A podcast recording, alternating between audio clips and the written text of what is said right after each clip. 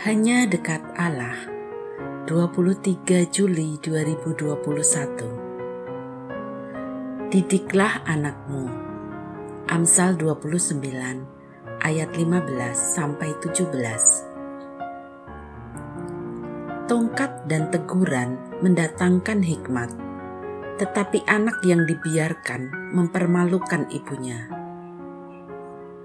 Amsal ini jelas memperlihatkan bahwa orang tua tak boleh lepas tangan terhadap anak-anaknya. Mengapa? Sebab mereka telah dipercaya Allah mengemban mandat ke orang tuaan.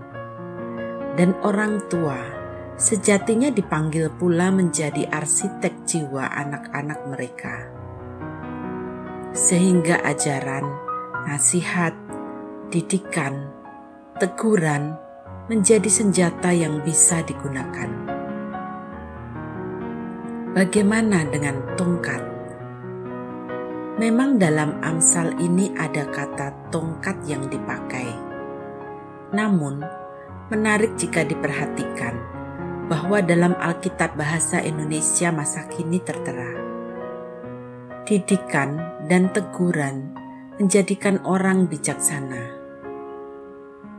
Kalaupun ada hukuman, baiklah itu diberikan dalam rangka pendidikan dan bukan karena kebencian atau pelampiasan. Dalam ayat 17 tertera, Didiklah anakmu, maka ia akan memberikan ketentraman kepadamu dan mendatangkan sukacita kepadamu.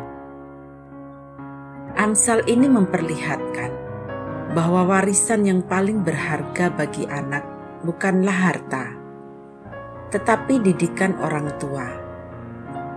Dan orang tua punya kapasitas untuk itu, karena mereka adalah orang tua.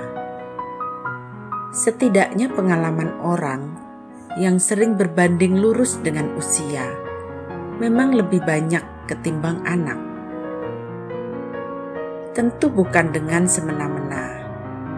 Biarlah didikan dan nasihat itu diberikan dalam suasana yang menyenangkan dan yang juga penting adalah biarlah orang tua sendiri hidup dan menghidupi nasihat yang keluar dari mulut mereka sendiri.